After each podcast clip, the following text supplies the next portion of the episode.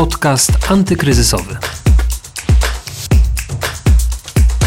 Dzień dobry, Justyna Smolińska. Witam w kolejnym odcinku podcastu antykryzysowego.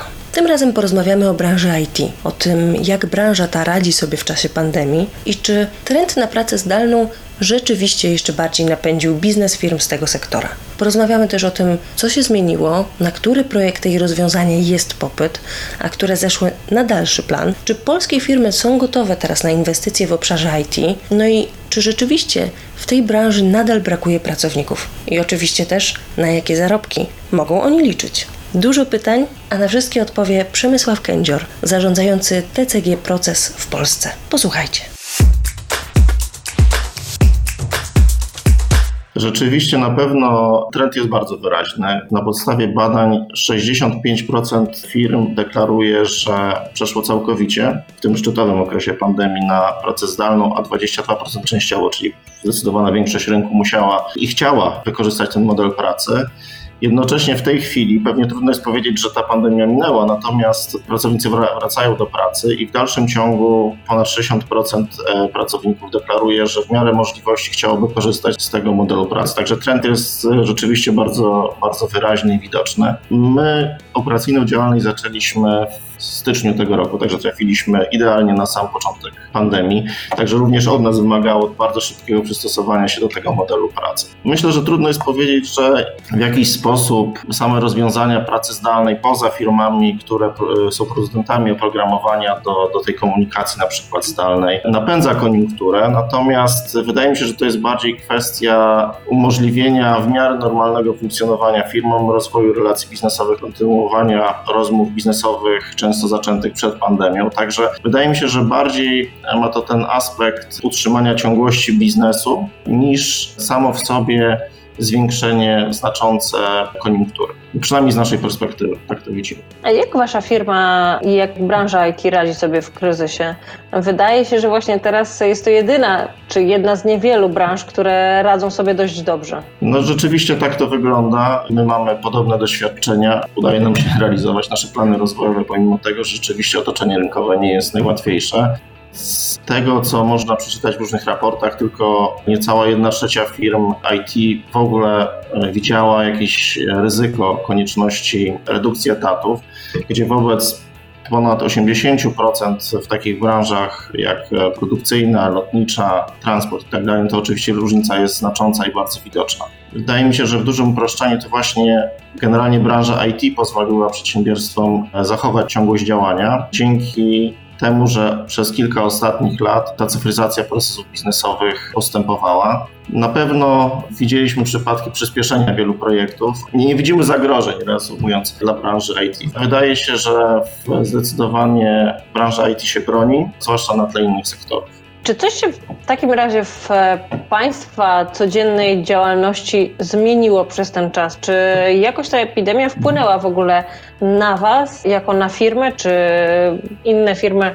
zrezygnowały trochę z e, nowych inwestycji w nowe technologie, w rozwój IT? Macie jakieś takie sygnały od Waszych e, klientów? Na pewno ten początek pandemii był e, takim momentem, kiedy firmy zdecydowanie bardzo ostrożnie oglądały każdą wydaną złotówkę i takie spowolnienie, czy może zawahanie było widoczne. Widzimy, że jeśli chodzi o priorytety naszych klientów, to przeważają te, które dają bądź przewagę konkurencyjną i tutaj firmy starają się szukać rozwiązań nowoczesnych, automatyzujących procesy, bądź takie projekty, które bezpośrednio wiążą się z kwestiami obsługi ich własnych klientów, czyli inwestycje procesy otwierania rachunków bankowych, powiedzmy w branży finansowej, czy obsługi polis w przypadku ubezpieczycieli itd., tak itd. Tak Widzimy, że Firmy cały czas poszukują, widzą potrzebę, żeby nad jakością obsługi klienta pracować jakby tutaj myślę, że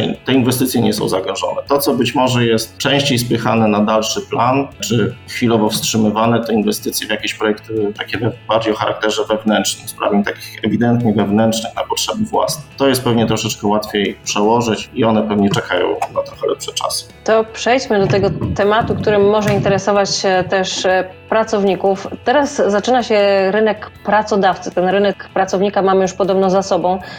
Czy tak też jest w branży IT? Czy branża IT nadal jest jednak taką branżą, która potrzebuje nowych pracowników, czy tam nadal rośnie zatrudnienie, czy coś się zmieniło w czasie pandemii i teraz wcale nie jest tam też tak różowo? No my widzimy, że branża IT z naszej perspektywy przynajmniej ma zdecydowanie charakter rynku pracownika w dalszym ciągu. Z badań, do których mamy dostęp, widzimy, że nawet stażyści, osoby początkujące, rozpoczynające karierę w branży IT mogą liczyć na wynagrodzenia rzędu między 4 a 7 tysięcy złotych brutto. Mówię oczywiście o dużych ośrodkach, takich jak Warszawa, Wrocław, Kraków. Natomiast no, w skali kraju to jest oczywiście bardzo, oczywiście bardzo dobre wynagrodzenia.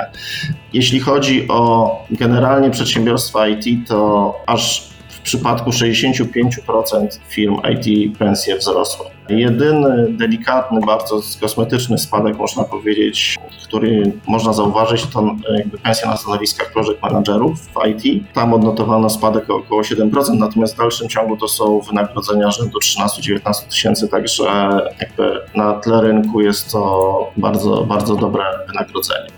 Zdecydowanie my też to widzimy jakby już na własnym przykładzie. Poszukiwani są deweloperzy, specjaliści od automatyzacji procesów biznesowych, osoby z z drugiej i trzeciej linii wsparcia. Także myślę, że tutaj e, zdecydowanie dalej jest to rynek pracownika i myślę, że jeszcze długo będzie. A czy polskie firmy teraz, e, trochę już o tym mówiliśmy, o tych inwestycjach i o tym, które projekty są nadal e, dla firm istotne, a które zeszły na dalszy plan, ale czy firmy są gotowe do tego, żeby cały czas się rozwijać w tym sektorze IT? Czy polskie firmy są teraz gotowe na inwestycje w obszarze IT?